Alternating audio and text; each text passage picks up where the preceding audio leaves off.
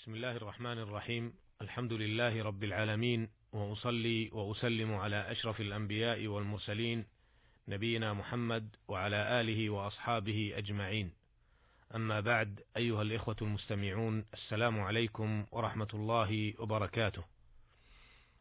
لا زلنا مع ما رواه الشيخان رحمهما الله تعالى عن عبد الله بن مسعود رضي الله عنه أنه قال قال النبي صلى الله عليه وسلم لا حسد إلا في اثنتين.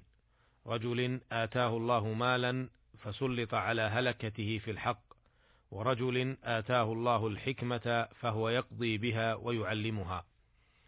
وعرفنا في الحلقة السابقة في الوقفة الأولى من الوقفات لأحكام هذا الحديث الجليل وفوائده عرفنا أن الحسد نوعان. نوع مذموم وهو تمني زوال النعمة عن المنعم عليه. فإذا رأى الشخص ما لغيره أحب أن يزول ذلك عنه له ليرتفع عليه أو مطلقا ليساويه. وعرفنا أن صاحب هذا الحسد مذموم إذا عمل بمقتضى ذلك من تصميم أو قول أو فعل. وأوردنا بعض النصوص المحذرة منه. والنوع الثاني وهو المذكور في الحديث ألا يتمنى زوال نعمة الله على الغير. ألا يتمنى زوال نعمة الله عن الغير ولكن يتمنى حصول مثلها له أو فوقها أو دونها. وهذا ما يسمى بالغبطة وتسميته بالحسد مجاز وهو نوعان محمود وغير محمود. فالمحمود أن يرى نعمة الله الدينية على عبده فيتمنى أن يكون له مثلها. فهذا من باب تمني الخير فإن قارن ذلك سعي وعمل لتحصيل ذلك فهو نور على نور. وأما الغبطة التي هي غير محمودة فهي تمني حصول مطالب الدنيا لأجل اللذات وتناول الشهوات. كما قال تعالى حكاية عن قوم قارون يا ليت لنا مثل ما أوتي قارون إنه لذو حظ عظيم. فإن فإن تمني مثل حالة من يعمل السيئات فهو بنيته ووزرهما سواء. الوقفة الثانية جاء في الحديث رجل آتاه الله مالا فسلط على هلكته في الحق. قال ابن حجر رحمه الله: وعبر بالتسليط لدلالته على قهر النفس المجبولة على الشح. وقوله هلكته بفتح اللام والكاف أي إهلاكه وعبر بذلك ليدل على أنه لا يبقى منه شيء وكمله بقوله في الحق أي في الطاعات ليزيل عنه إيهام الإسراف المذموم. انتهى كلامه رحمه الله. الوقفة الثالثة. جاء في الحديث أيضا ورجل آتاه الله الحكمة. جاء في رواية أخرى رجل آتاه الله القرآن فهو يقوم به آناء الليل وآناء النهار.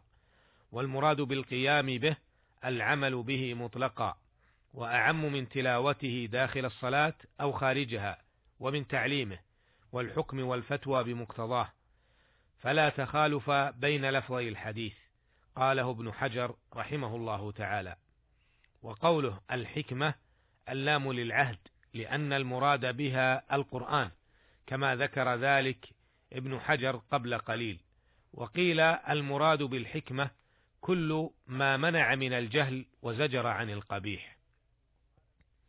الوقفة الرابعة قال ابن حجر رحمه الله: زاد أبو هريرة في هذا الحديث ما يدل على أن المراد بالحسد المذكور هنا الغبطة كما ذكرناه، ولفظه فقال رجل يا ليتني أوتيت مثل ما أوتي فلان فعملت مثل ما يعمل. وعند الترمذي من حديث أبي كبشة الأنماري أنه سمع رسول الله صلى الله عليه وسلم وذكر حديثا طويلا فيه استواء العامل في المال الحق والمتمني في الأجر ولفظه وعبد رزقه الله علما ولم يرزقه مالا فهو صادق النية فهو صادق النية. يقول لو أن لي مالا لعملت مثل ما يعمل فلان فأجرهما سواء وذكر في ضدهما أنهما في الوزر سواء. وقال فيه حديث حسن صحيح.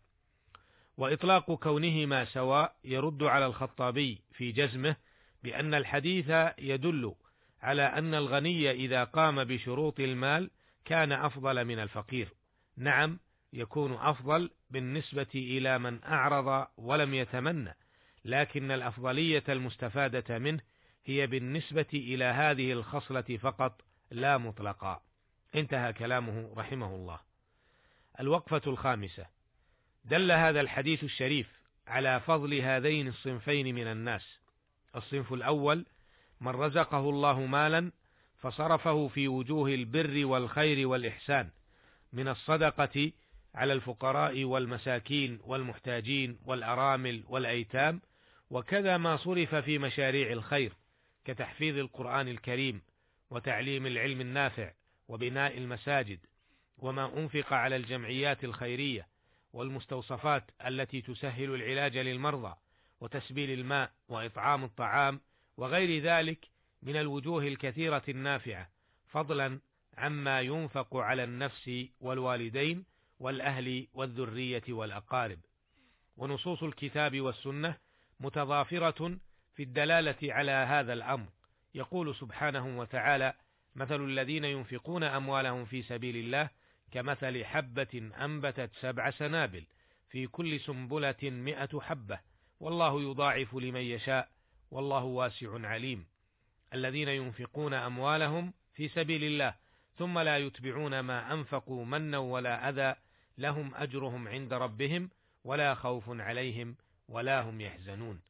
والصنف الثاني هم الذين يتعلمون العلم ويعلمونه للناس وينشرونه بينهم ذلك العلم الصحيح ويدخل فيه إقراء القرآن الكريم وتحفيظه ونشر السنة النبوية وتعليمها والذب عنها وكذا كل ما يتعلق بهما من علوم نافعة في العقيدة الصافية والأحكام والآداب والأخلاق والمعاملات وغيرها. وكذا ما له تعلق بهما من علوم اللغة العربية وآدابها. وقد دلت النصوص النبوية على فضل تعليم هذا العلم وقد دلت النصوص الشرعية من الكتاب والسنة على فضل تعليم هذا العلم. يقول سبحانه وتعالى يرفع الله الذين آمنوا منكم والذين أوتوا العلم درجات والله بما تعملون خبير.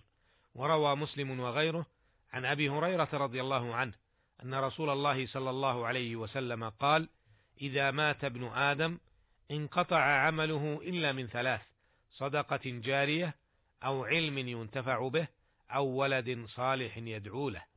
وروى مسلم وغيره عن أبي هريرة رضي الله عنه أن رسول الله صلى الله عليه وسلم قال من دعا إلى هدى كان له من الأجر مثل أجور من تبعه لا ينقص ذلك من أجورهم شيئا.